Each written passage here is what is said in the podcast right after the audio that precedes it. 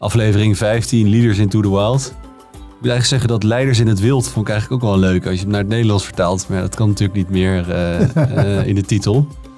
Anyhow, uh, we zitten hier weer met een, uh, een hooggewaardeerde gast. Uh, hooggewaardeerde opponent eigenlijk van de proefverdediging van, van mijn vader Boy.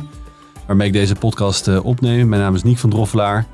Beiden hebben wij een passie voor de natuur en leiderschap. en hebben dat samengebracht in ons werk. Mijn vader in zijn werk als, als PhD gepromoveerde.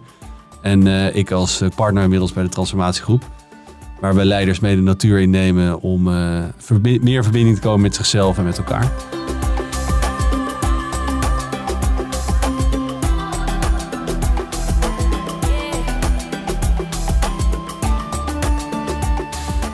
Um, ja, aan jou het woord om, om Herman in te... Ja, dat is een prachtige inleiding, Niek. En, uh, en we zijn we hebben, zoals we dat netjes zeggen, een eer en genoegen om Herman Wijfels in ons midden te hebben.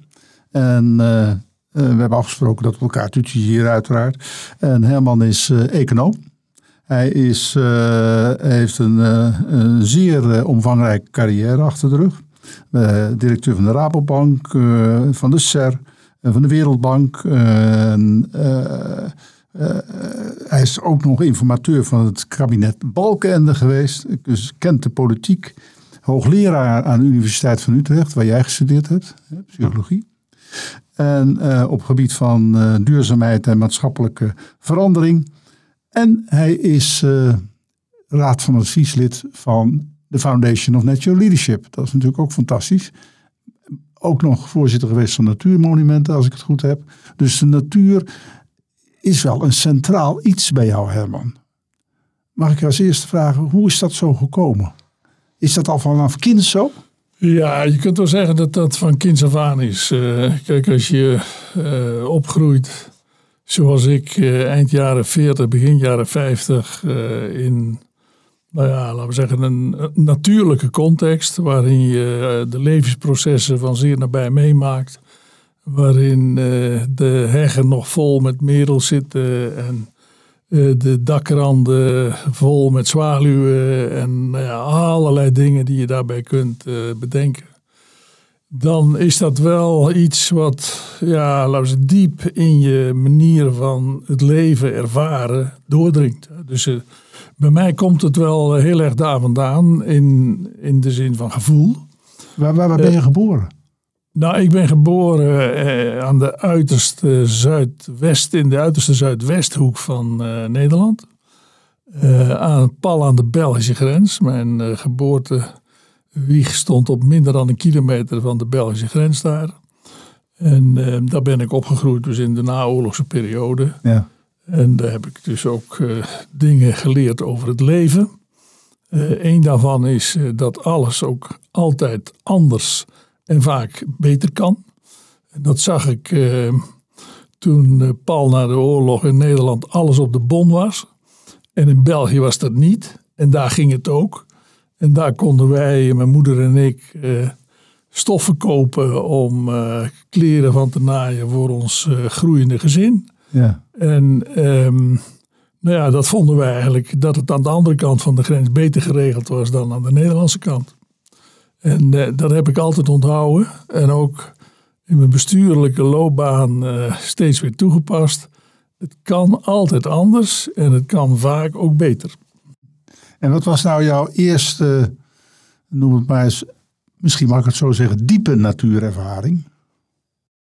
Ja, dat was uh, wat wel bekend staat als een numineuze ervaring. Uh, je kunt ook zeggen een eenheidservaring. Uh, en dat had uh, te maken vooral met um, leeuwerik. Er was daar bij ons in de buurt aan een water in een weiland een plek waar altijd leeuweriken hingen te kwinkeleren zo hoog in de lucht. En dat vond ik een magische plek. en zeker op mooie zomerdagen, zoals we er nu uh, dit jaar een heleboel hebben gekend, uh, ging ik daar op mijn rug in het gras liggen en luisteren naar die leeuweriken. En eh, daar heb ik eh, een paar keer zelfs ehm, ja, dat soort ervaringen gehad, eenheidservaringen. Ehm, met beelden die in een hoog tempo eh, langskwamen over eigenlijk het verloop van het evolutionaire proces. Hoe in de loop van de tijd, vanaf de Big Bang, dingen, eh, het universum, maar ook het leven op deze planeet zich ontwikkeld hebben. Ja. Maar dat is 13,8 miljard jaar geleden. En die hele tijdspanne. En die kwam, die kwam in een, bijna in een flits uh, kwam, die, kwam die langs. Ja, ja. En dat was overigens op een moment, uh, zo, dat was ik een jaar of acht, negen, dat ik me liep af te vragen, wat kom ik hier in godsnaam doen? uh, hè, dus ja, ik, ik, ben hier nou uh, in deze context geboren en aan het opgroeien. Maar wat is nou eigenlijk ja, de bedoeling? Hè? Wat, wat, wat moet er gebeuren? En ik heb daar uh, de conclusie aan verbonden, niet onmiddellijk op dat moment, maar toch wel later in mijn leven. Oh, dus um, dat is uh, wat er hier in dit ondermaanse uh, gebeurt. Hè? Dat we eigenlijk bezig zijn om vanuit de oorsprong, stap voor stap, de potentie die toen vrij is gekomen, in de realiteit te brengen. Hè? Dat is het proces. Uh, en um, uh, daar moet je dus je bijdrage aan leveren. En dat is eigenlijk voor mij een soort ja, basisbeginsel gebleven tot op de dag van vandaag.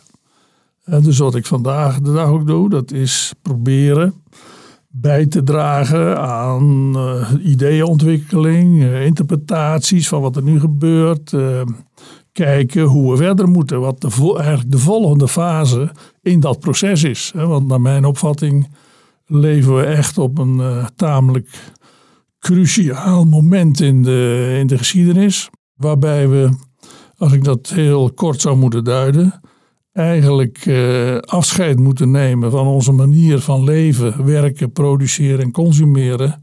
Die ontstaan is in de industriële tijd. En dat we nu uh, naar een volgende fase moeten, waarin we nou ja, op basis eigenlijk van andere uitgangspunten en principes, vertaald in nieuwe technologie, ons leven vorm moeten geven. Ja. En daar ben ik nu mee bezig, maar dat is een lange uitloper van wat ik toen, eh, meer dan 70 jaar geleden, ja. daar ervoer in dat weiland, luisterend naar de. Ja, het zaadje is toen geplant. Zeker. Ja, want je noemt dat een eenheidswording. Uh, tegenwoordig zou ik het omschrijven als het vinden van je purpose of je eigen vorm van zingeving. Iets wat wij veel de natuur tegenkomen als we, het, uh, als we de leider in contact brengen met de natuur. Als je kijkt naar de transitie, om het zo te noemen, die we, die we door, doormaken in deze tijd, is het dan ook van, is, moet een leider dan ook een purpose hebben? Om een visie te hebben naar de toekomst toe, om, om, om leiding te geven aan deze transitie voor zijn eigen omgeving, zijn eigen bedrijf. Nou, het hangt, hangt, er even vanaf uh, hoe je purpose wilt uh, omschrijven. Kijk, purpose breng ik wat meer in verband met uh, ondernemingen, organisaties, mm -hmm. die voor zichzelf een purpose definiëren. Um, kijk, voor, um, op persoonlijk niveau um, zie ik het leven eigenlijk meer als dat je gaandeweg um, ontdekt in, in, de loop van je leven um, wat jij hier komt te doen. Um, mijn basisstelling zou zijn: uh, een ziel incarneert om een reden. Een ziel heeft, laten we zeggen, een, een blauwdruk, het is eigenlijk een, ziel is een, eigenlijk een, een stukje van de oorsprong. Mm -hmm. En het leven gaat erom te ontdekken wat jij met die ziel in dit leven uh, te doen hebt. Dat is waar het over gaat. En dat um, hangt heel erg af van wie je bent, uh, onder welk gesternte je geboren bent ook, uh, wat jouw uh, fysieke en mentale mogelijkheden zijn enzovoorts. En het gaat er iedere keer weer om, om in elke stap die je in het leven zet, eh, goed te luisteren naar je innerlijke stem. Want dat is de stem van je ziel. Zo, zo werkt het volgens mij. Dus een, kijk, een onderneming kan een purpose formuleren. Ehm, als eh, individuele mens gaat het om, laten we zeggen, het programma wat jouw ziel vertegenwoordigt, zo goed mogelijk in de realiteit brengen. En dat is eh, wat anders dan een purpose voor, voor een organisatie. Het programma wat jouw ziel vertegenwoordigt. Dat vind ik eigenlijk een mooie, mooie, mooie zin. Het programma wat jouw ziel vertegenwoordigt, resoneert het dan ook per definitie met de natuur, zoals jij dat hebt ervaren? Is de natuur een cruciaal element in? Of kan, het ook, eh, kan je dat ook vinden als je naar een museum gaat of, of een dialoog hebt met iemand? Of, hoe, hoe kijk je dat, kan eh, zeggen, je, je kunt daar ehm, informatie over eh, binnenkrijgen op allerlei manieren. Hmm. Ehm, mijn persoonlijke ervaring is ook dat dat ehm, eh, heel goed kan in de natuur. Dus daar heb ik ook, nou ja, de- wat ik net beschrijf hè, over mijn leeuwerikervaring. Ja. Dat was zo'n natuurervaring. Ik heb dat ook wel op de trails eh, gehad. Hè, waar ik eh, in het begin van het FNL, daar komen we zo nog over te spreken, eh, heb ehm, meegedaan. Ehm, maar waar het eigenlijk in essentie op neerkomt, dat is dat je ontvangend in het leven staat. Dus dat je open bent voor de informatie die jou bereikt. Dat is wat mij betreft de essentie. En dat kan terwijl je naar prachtige muziek zit te luisteren.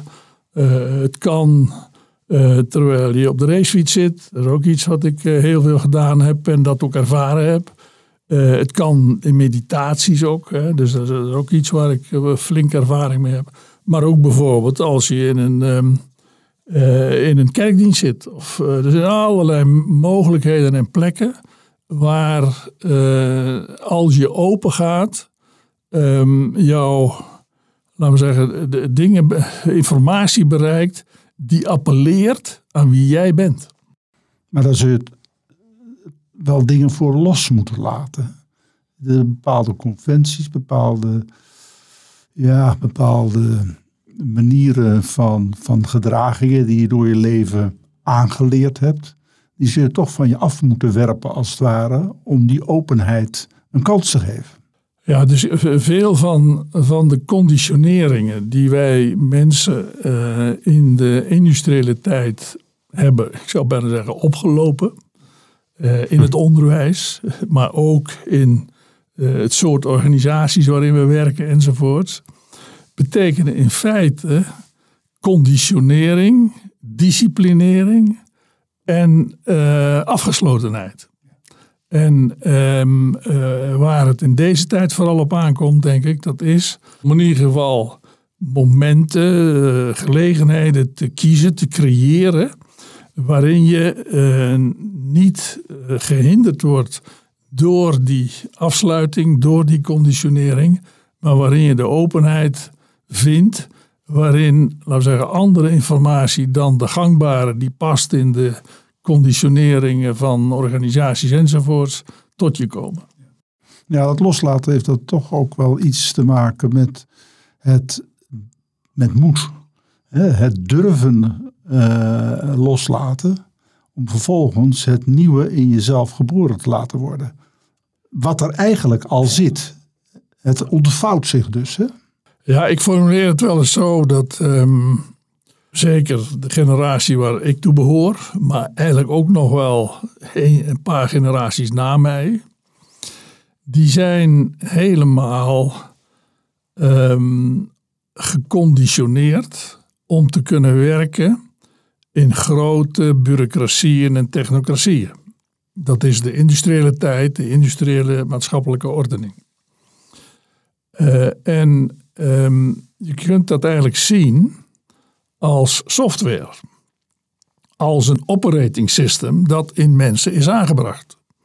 En wat in deze tijd eh, heel belangrijk is, nu we op het schijfvlak zitten tussen eh, de, de industriële tijd van de laatste 200, 300 jaar en wat nu aan het, zich aan het manifesteren is, dat je ehm, ehm, via methoden die daarvoor beschikbaar zijn, die software herschrijft om uh, daardoor beschikbaar te zijn en geëquipeerd te zijn om de volgende fase mee vorm te geven. Ja, maar je moet die software wel zelf herschrijven. Ja, zeker. Je kunt daar wel hulp bij inroepen. Ja. dus er zijn allerlei methoden. Therapie is er een van. Dus eh, dat je, laten we zeggen, eh, bijvoorbeeld oude trauma's op, uh, oplost. Of nou ja, allerlei dingen. Maar waar, waar, het om gaat, en dat is overigens de reden waarom in de tijd een paar mensen, waaronder ik zelf, de stappen hebben gezet naar de Foundation for Natural Leadership. Dat was in 2002. Ja, hè, toen, toen hebben wij een initiatief genomen met een paar mensen om zo'n gelegenheid te creëren, waardoor mensen in een hele andere context, als het ware, uh, ja, gedwongen werden bijna om ehm, de vaardigheden en de habitus waarmee ze in hun werk stonden helemaal los te laten. En daardoor eigenlijk weer veel dichter eh, te komen bij de natuur in henzelf. Door ze in een natuurlijke context te plaatsen. En daar, eh, laat ik maar zeggen, uh, wild dier onder de wilde dieren te zijn, een tijd lang. En op die manier ehm, te merken ja, dat dat een hele andere invulling vraagt. Dan wanneer je, laten we zeggen, achter je directiebureau zit en daar, um, laten we zeggen, je, je eh, e-mail zit te verwerken of, of wat dan ook. Hè? En orders uit te delen en dingen te, te, te, bedenken die daar moeten gebeuren. Maar laten we nog eens teruggaan naar die 2002. Dat was in Putten, hè? heb ik me laten vertellen. Ik, ik, ben voor het eerst zelf op trail geweest in, in 2008, 2009. Maar in 2002, daar zaten een aantal mensen bij elkaar. Captains of Industry, politici en dergelijke. Hoe is daar dat vonkje ontstaan van we moeten de natuur in? Nou ja, de, wat eraan vooraf gegaan is, ehm, dat was um, een gedachte die, die was ontstaan naar aanleiding van een lezing die ik heb gehouden in um, uh, 2000 was dat geloof ik. Toen was ik net weg bij de SER. In de Domkerk in Utrecht voor de landelijke domineedag. Uh, en daar zaten, die kerk die zat vol met dominees. En daar stond ik als katholieke jongen daar op de preekstoel in, de dom. Dat was op zich ook wel een van de meer bijzondere ervaringen in mijn leven. Maar daar heb ik um, een aantal dingen beweerd, met name ook over dat um, um, uh, vanuit de geestelijke wereld eigenlijk veel meer bijdrage zou moeten uh, geleverd worden voor uh, laten we zeggen, de, de oriëntatie op de toekomst. Zo maar even zeggen. En uh, toen hebben een van, een van die jongens die daar zat, die had ik enorm geraakt, bleek. En die kwam bij mij en die zei, ja, moet, wij moeten wat doen. En toen hebben we een organisatie opgericht, die, heet, die hebben we genoemd Encounter of Worldviews. Dus we moeten gewoon de verschillende filosofieën over het leven, die moeten we bij elkaar uh, brengen. En daar de dialoog uh, op gang brengen. En van daaruit uh, verdere initiatieven ontwikkelen. Nou, toen was die conferentie in Putten. Was een van de eerste initiatieven die uit dat Encounter of Worldviews is ontstaan. En toeval of niet, daar zat een Zuid-Afrikaan en die was de voorzitter van uh, een leadership school in Zuid-Afrika. Was dat Ian Player? Dat was Ian Player, ja, ja. En die heeft daar zijn verhaal gedaan wat zij aan het doen waren. En toen zijn er een aantal mensen eh, opgestaan en die hebben gezegd, nou dat moeten we doen. Want dat is iets wat, wat als het ware uh, vanzelf een, een openende, een openbrekende ervaring oplevert. En wij moeten zoiets doen. En toen uh, hebben we in eerste instantie uh, met enkele van de betrokkenen bij die conferentie uh, proeftrails gedaan. En daaruit is het FNL uiteindelijk ja. Ja. voortgekomen. Ja. Maar, maar de, het ging dus uiteindelijk eh, ja, vanuit de diepte zoeken naar hoe moeten we verder met ons leven. Daar komt, daar komt het eigenlijk op neer. Ja, ja. En in die proeftrail heb je ook zeg maar die piekervaringen eh, ervaren. Absoluut. Dus de, ehm, eh, ik heb wel eh, over een van die trails die ik gedaan heb toen, in die proeffase, heb ik een interview afgegeven. Ik geloof dat het in Trouw was. En de kop over dat artikel was, de leeuwerik is terug. Prachtig. Ja.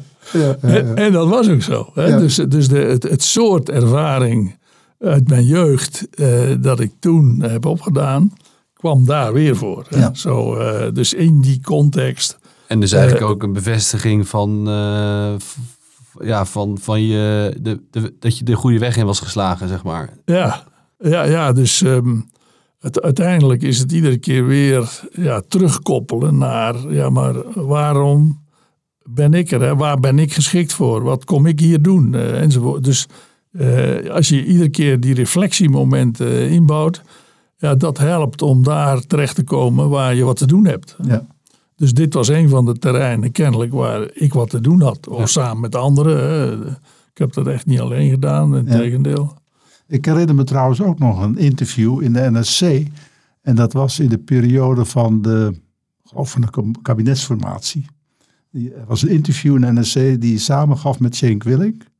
En daar zei je van, het, is, het wordt tijd dat die politici eerst de wildernis Ja, ja, ingaan. ja, ja, ja, ja, Dat was de recente kabinetsformatie. Ja. ja, ja. En toen zag, ik, en toen zag je een foto van, van de kopstukken. Dat was mevrouw Kaag en, en Rutte. En, en, en, We hebben het er veel over gehad trouwens hè, in onze podcast. Ja, duurde, ook, dat duurde maar, nogal maar, lang. die, maar die gingen niet verder dan een, een deftig kasteeltje op een mooi landgoed. Nou ja, dus, eh, dat, dat- ik geloof dat ik daar ook nog een beetje eh, eh, mee te maken heb. Hè. Dus toen ik die kabinetsformatie heb gedaan in eh, 2007 was dat. Toen ben ik met die mensen eh, naar Lauswold gegaan. Hè. Aan een ovale tafel die we meenamen uit Den Haag. En ehm, daar heb ik eigenlijk een soort, ja, ik zou zeggen, halve eh U-curve eh, procedure gevolgd. Ehm, eh, ik ben daar, dus ik, toen ik zeg, die rol moest spelen, toen heb ik eerst gevraagd aan de mensen die mij begeleiden vanuit Algemene Zaken, hoe gaat dat normaal? En die zei ja, dus wat we doen, wij maken een overzicht van de punten waar de partijen die hier nu aan tafel zitten het over eens zijn. En we maken een lijstje met punten waar ze het niet over eens zijn. En daar beginnen we dan over te praten. Nou, ik heb toen gedacht, dat moeten we in geen geval doen. Want er was toen enorme eh, clashes eh, tussen eh, Balken en Den Bosch. Eh, ik moet eigenlijk beginnen veel dieper. Namelijk bij de vraag, waarom zitten jullie eigenlijk in de politiek? En wat willen jullie voor dit land betekenen? Hè? Wat willen jullie samen doen voor het land? En eh, daar hebben we nou, anderhalve dag of zo eh, over gesproken. En dat bleek dus eigenlijk behoorlijk overeen te komen. En van daaruit zijn we dus gaan kijken naar ja, hoe kunnen we bouwen op deze overeenstemming. En op die manier nou, uiteindelijk ook de moeilijke punten en de verschillen oplossen. Eh, en ehm, wat ik daaraan overgehouden heb is, ehm, je moet zorgen, vandaar die ovale tafel, dat er één energieveld is aan zo'n tafel. Dus dat de mensen elkaar kunnen zien en dat niemand kan wegduiken of zich verstoppen. Maar dat er een, een, een open energieveld is. En dat het helpt als je diepere motivaties eh, aansnijdt in zo'n proces. Want dan heb je stevige grond om op te bouwen. En ehm, dat het ook helpt om dat te doen als niet onmiddellijk de pers eh, aan de deur staat om te vragen wat hebben jullie eh, besproken.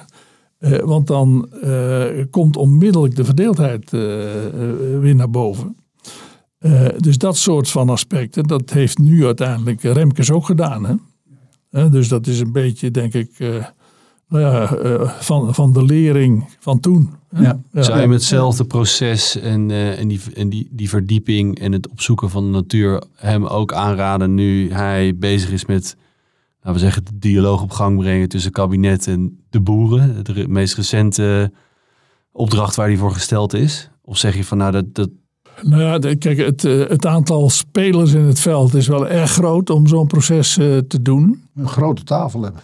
Ja, dus eh, ze zitten dan bijvoorbeeld in het provinciehuis in Utrecht. Hè, En overigens, dus ik heb wel commentaar gekregen van jij zou dat nooit zo doen. Ik weet niet of jullie die foto gezien hebben dat Remkes helemaal op zijn eentje daar ergens zit.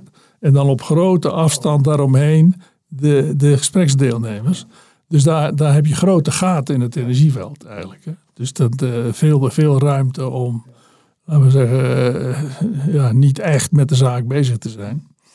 Maar ja, ehm, kijk, uiteindelijk eh, kom je toch alleen tot het resultaat als de mensen die er echt toe doen, elkaar in de ogen kijken en zeggen: jongens, het is dan misschien niet ideaal, maar zo gaan we het doen. Ja. Dat is uiteindelijk toch, je moet dan het eh, elkaar vinden. Ja. En dat heb ik natuurlijk in de SER heel veel meegemaakt. Hè. De, de, de SER is natuurlijk ook ehm eerst de grond. Ik noem dat als boer eggen, ploegen en eggen. En dan kun je pas zaaien. En dan ga je samen het gewas eh, voeden. Eh, en zo kom je in ons poldermodel tot, tot oplossing. Zo werkt het.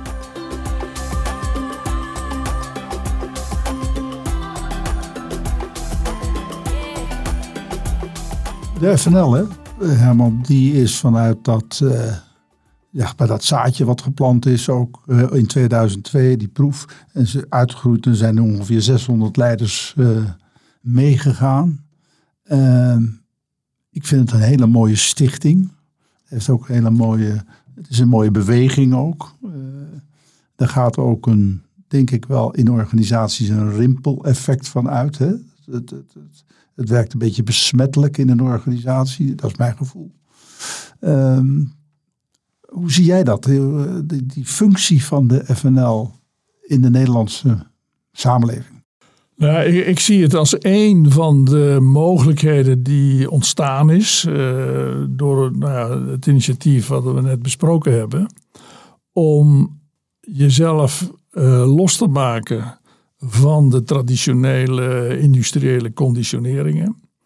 Eh, en daarmee jezelf open te maken voor eh, nieuwe ideeën, eh, voor andere inzichten, voor nieuwe manieren van werken voor, nou ja, laten we zeggen, het ehm, eh, vormgeven van de toekomst.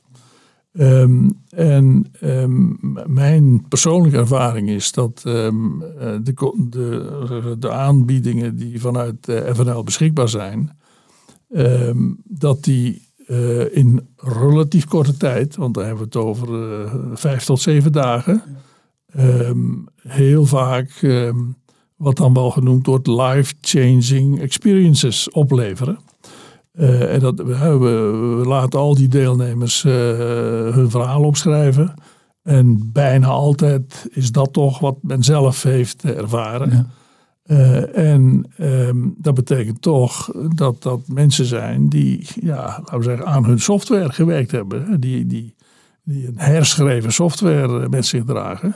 En die dus dragers van de nieuwe tijd kunnen zijn. Hè?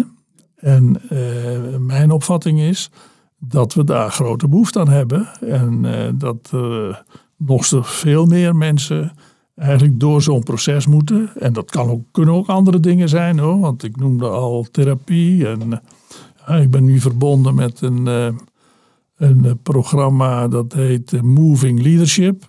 waar vier jaar lang mensen periodiek bij elkaar komen. En samen ook door allerlei processen gaan.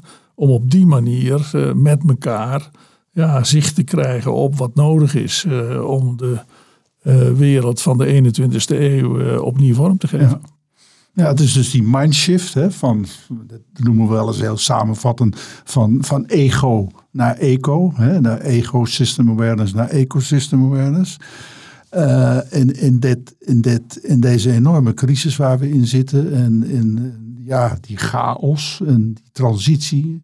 En Jan Rotmans, die ken je waarschijnlijk wel, Zeker. die hoogleraar in, eh, in Rotterdam, die heeft al gezegd van ja, bij zo'n eh, crisis en transitie, chaos, hoort daar gewoon bij. Ja. Dat, dat, dat is iets dat je moet accepteren on- als het onvermijdelijk. Dat is Hij heeft- onvermijdelijk. heeft daar een boek over geschreven. Omarm de chaos. Ja, Ja. omarm het, hè? Ja, omarm de chaos. Ehm, tegelijkertijd is daar het wenkend perspectief van de SDG's. Ik, eh, ik, ik noem het wel eens. En dan verbaas ik me erover dat weinig mensen nog maar dan een, een belletje gaat drinken. Dat- ze niet weten, wat, wat bedoel je met de SDG's? Hè? Sustainable Development Goals. Die zijn 2015 afgesproken. 2030 moet er heel veel wat gebeurd zijn. Waar we staan op dit moment. Er is nog geen een behaald. We zijn er nog niet, hè? Nee, er is nog geen een behaald. Nou, of helemaal nog niet. Nee. Ehm, wat, wat, wat mij.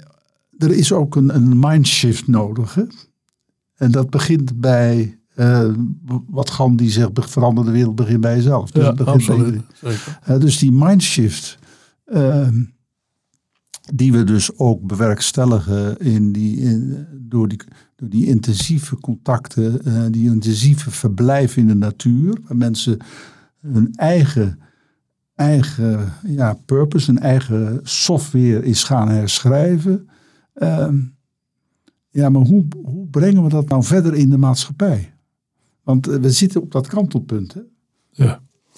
Dingen, Ja, dus, ehm, kijk, de, waar rolt het balletje naartoe? Kijk, de basis is ehm, wat ik eh, eh, voor mezelf altijd noem bewustzijnsontwikkeling. Hè. Het gaat over een, een evoluerend bewustzijn over hoe het leven in elkaar zit. En eh, daarvoor wordt een beroep gedaan op de meest eh, fundamentele ehm, faciliteiten waarover mensen beschikken. Namelijk dat we waarnemen, wat gebeurt er? Eh, dat we reflecteren op wat we waarnemen. En dat we vanuit die reflectie eh, dingen ontwikkelen om het anders te doen. Dat is eigenlijk de trits zoals ik dat zie verlopen. En daardoor ontstaat bewustzijn over dat het anders kan en moet. Hè? Dat is eigenlijk, zo gaat het. Dat proces, ehm, eh, dat vind ik eh, op het ogenblik behoorlijk snelle voortgang maken. Eh, en dat brengt me bij de werkelijkheid. Want op het ogenblik is de werkelijkheid eh, eigenlijk het krachtigste middel waarmee de, dat bewustzijnsontwikkelingsproces voortgang vindt. Eh, ik, ik kijk alleen maar naar wat er dit jaar is gebeurd. Hè. Ik kan andere dingen ook noemen. Maar we hebben dit jaar eh, van zeer nabij de gevolgen kunnen meemaken van de klimaatverandering. En we maken van zeer nabij mee de absolute noodzaak om uit de fossiele energie-economie te stappen. De werkelijkheid wijst de weg. De werkelijkheid wijst de weg.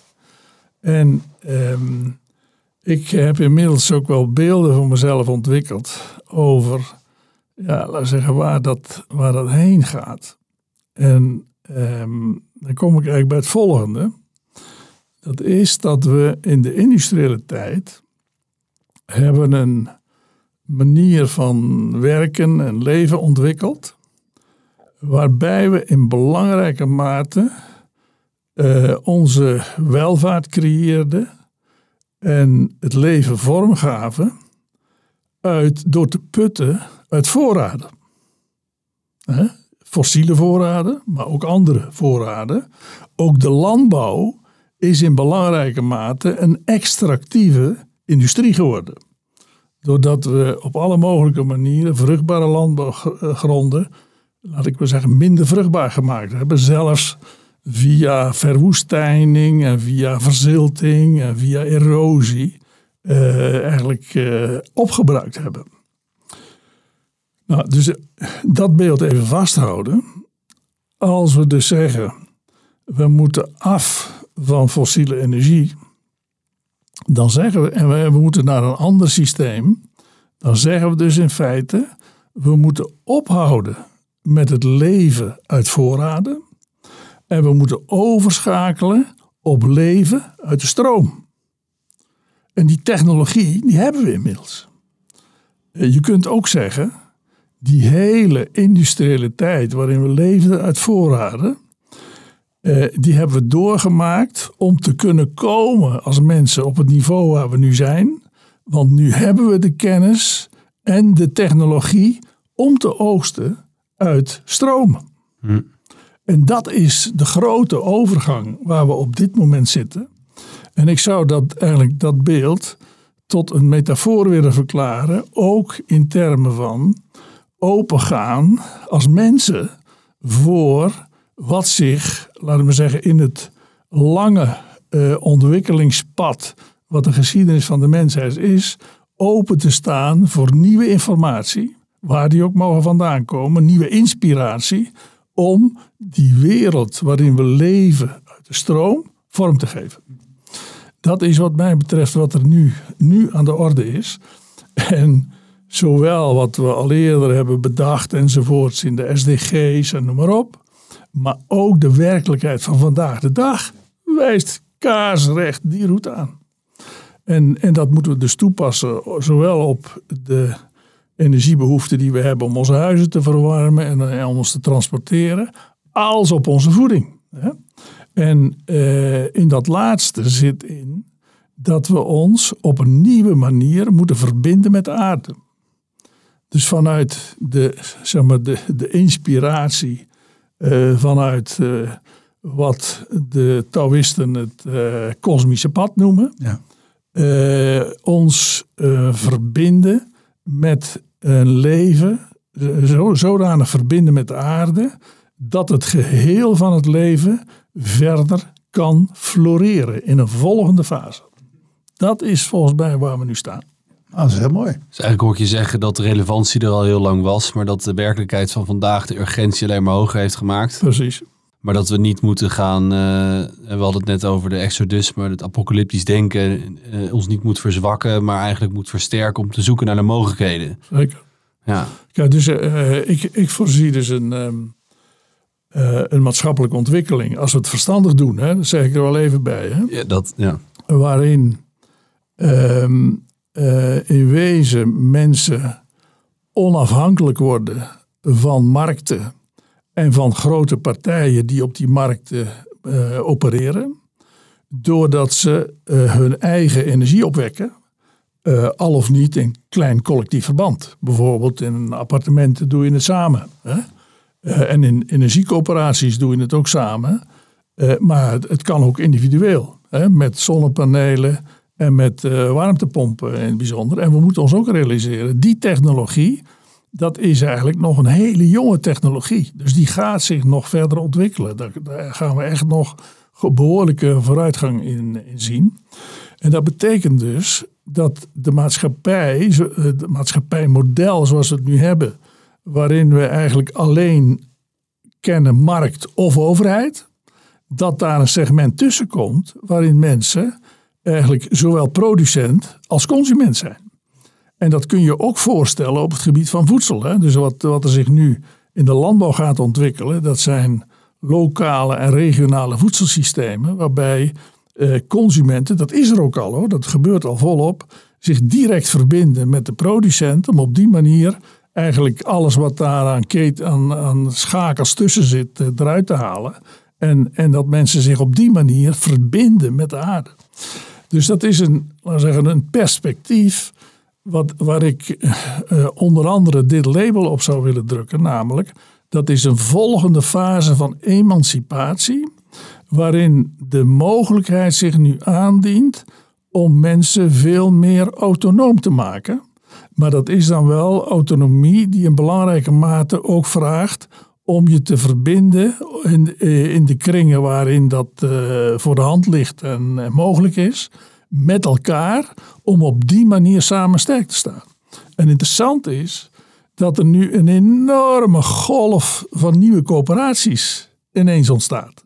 In de Groene van vorige week, een groot artikel, waarin dat eh, in kaart wordt gebracht. eh, wat er allemaal in steden en dorpen enzovoorts op het ogenblik gebeurt.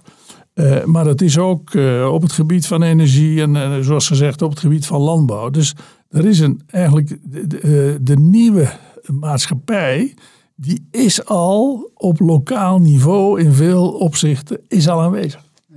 Dus kleinschalige collectieve verantwoordelijkheid nemen op basis van collectief bewustzijn. Zo is Wat het. je, wat je deelt met elkaar. Van jongens, het, zo gaat het niet langer.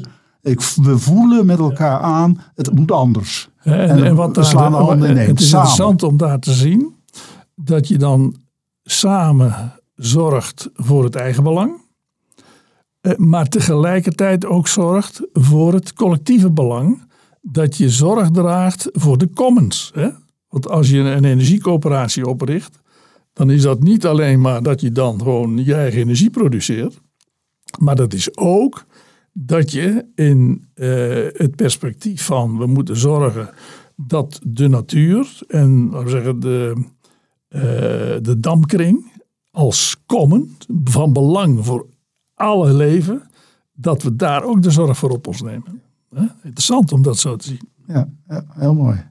Waar de natuur als inspiratiebron ons allemaal kan brengen. Hè? Want eigenlijk is dat toch weer eh, waar we mee geboren worden. Die, aangeboren verbinding met de natuur en kwijtraken. Dat dat weer terugkomt. En als inspiratiebron dient. Ja, ik kijk En- daar ook nog wel op een, op een niet scherpere manier naar, om het zo maar eens te zeggen.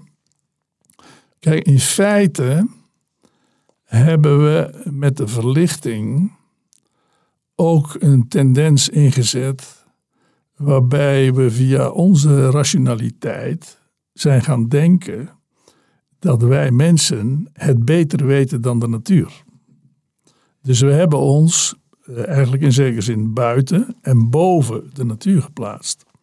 En daardoor eh, zijn we terechtgekomen waar we nu zitten. Eigenlijk dat we met onze industriële manier van leven ehm, eh, de basis van het leven zelf aantasten.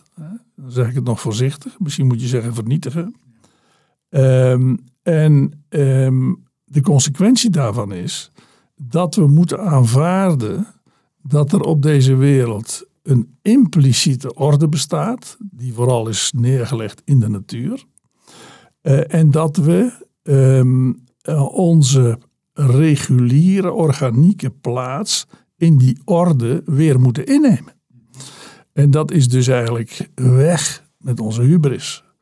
En een zekere bescheidenheid, dat we eigenlijk eh, in, in de volgende fase gaan meewerken, ik zou bijna zeggen, met de genade van de natuur. En dat is een andere eh, mentale eh, houding. Ja, nou, er is hoop. Wat Nou ja, volgens mij is dat aan het gebeuren. Maar Ja. we moeten ook niet vergeten dat er heel veel krachten zijn die met alle geweld vasthouden aan het bestaande. Hè. Dus, Ja, wie zou nou het voortouw moeten nemen? Nou, kijk, het, het voortouw wordt op het ogenblik genomen door allerlei mensen aan de basis van de samenleving. En ehm, in onze contraien is eigenlijk het een interessant fenomeen dat ehm, op eh, macroniveau het voortouw wordt genomen eh, in Brussel, eh, waar eigenlijk bureaucraten zitten die niet eh, volgende keer weer gekozen moeten worden. Eh, het, het, het meest relevante beleid komt op dit moment uit Brussel. En vervolgens ehm, gaan nationale politici die overigens in Brussel hebben meegewerkt aan dat beleid. eh, in Nederland bijvoorbeeld, of in andere landen, gaan ze roepen: ja, het moet nou eenmaal van Brussel. Hè? Het is een hele rare spagaat die zich daar voordoet. Ehm, eh, maar feitelijk ehm, eh, zie je nu de enorme relevantie van dat we als continent eh, het samen moeten doen. En ook daar zie je dus nu, met wat er in Oekraïne gebeurt, dat dat Europese project van levensbelang is, letterlijk, voor ons hier. Ja. Voor onze vrijheid, voor onze manier van leven. Eh, dus ook daar reikt de werkelijkheid gewoon aan wat er moet gebeuren. Dus nou ja, ehm, ik denk dat die werkelijkheid eh, sterker is dan alle tegenstand eh, die er ook is. Dus in die zin ben ik optimistisch. Nou, we hebben afgesproken dat we ongeveer uh, drie kwartier zouden vasthouden aan uh, de tijd. Uh, wat ook een beetje aandachtspannen is van de, de, gemiddelde luisteraar. Maar misschien ook wel van jouw publiek als, als, als professor kan ik zeggen. We zitten precies op 45 minuten. Dus volgens traditie denk ik in, jou, in jouw lezingen. Zoals je me net eventjes kort vertelde bij onze kennismaking. Um, ik denk, we kunnen hier nog veel langer over doorpraten. Uh, het is maar een tipje van de sluier van de, van de kennis en de ervaring die, uh, die je met ons kan delen, Herman, over wat de natuur met ons doet. Uh, wij vinden eigenlijk, zeggen vaak zelf tegen elkaar, dat de natuur, uh, in de natuur alles met elkaar in verbinding is. En, en aansluiting vinden op die verbinding, door eigenlijk ook wat meer in verbinding te komen met jezelf, creëert meer inzicht en, en, en vrijheid om ook nieuwe ideeën toe te laten. En laten we hopen dat die ideeën ook meer gaan stromen. Uh, en dat het ook meer ruimte krijgt in, uh, in de weg vooruit. Die uh, volgens jouw optimistische beeld iets is waar we, als we er tijd en aandacht aan besteden, ook zeker iets is wat, wat hopelijk voor de toekomst een, een mooiere werkelijkheid voor ons gaat creëren. Want urgentie is er zeker, zoals we net al tegen elkaar zeiden. Pa, jij nog wat, wat laatste woorden die nou, je ja, ik wil, vind het fantastisch om de, dat we dit gesprek hebben omdat we de vorige keer hele jonge mensen aan het woord hadden. Die in, in de bedrijven werken. Dat was bij Van Oert en bij uh, Movaris. Movaris. En die onder jouw leiding de natuur hadden meegemaakt. En daar tot, tot, tot een herschrijving van hun software waren gekomen. En, en, en daardoor verdieping hadden gekregen in de dingen die ze deden en die ze doen. Dus uh, en, en, vandaag uh, hebben we helemaal gehoord. En paar generaties ouder. Ik ben zelf ook wat ouder. En door de generaties heen zien we deze uh, en horen we deze hoopvolle geluiden dat we samen aan die toekomst moeten bouwen. Ja. Ja. En dat hoeft niet in de globaliserende termen te zijn, maar kan ook in heel goede uh, lokale termen, in coöperatief verband en dergelijke plaatsvinden. En, en dat, dat vind ik ja, fantastisch. Ja, en daar gaan we mee verder. Enorm veel dank Herman voor, uh, voor je tijd en, uh, en, en al je prachtige inzichten die, die ons publiek zal verrijken. we nemen dit stukje weer mee in, in, in onze reis die mijn vader en ik aan het bewandelen zijn langs de weg van de natuur en het leiderschap. ik word elke keer als ik hier zit in deze studio samen met, met Bas achter het raam die een duimpje geeft. Elke keer als we het goed gedaan hebben ook weer een stukje wijzer. Um, dus nogmaals dank voor het luisteren. En ja, uh, hou, de, hou de podcast uh, en, de, en de Spotify en de LinkedIn en overal waar we communiceren goed in de gaten. Want uh, er komen vast weer een aantal hele interessante en leuke nieuwe gasten voorbij. Dus ja, dank en voor de... vergeet niet als je als bedrijf zegt van ik wil met mijn team eens een keer toch die verbinding maken met de natuur. Nou, dan is de transformatiegroep een mogelijkheid. En als je zegt, ik wil als individu eens een keer echt onderdompelen in de natuur. Om te kijken, wie ben ik nou eigenlijk? Of misschien wel, wie zou ik kunnen zijn vanuit mijn diepste talenten en mijn diepste potentieel? Nou, dan is de Foundation for Natural Leadership uh, een hele mooie route om dat, uh, om dat pad eens te gaan bewandelen. Ja, dankjewel. Dat, dat was hem. Tot de volgende keer.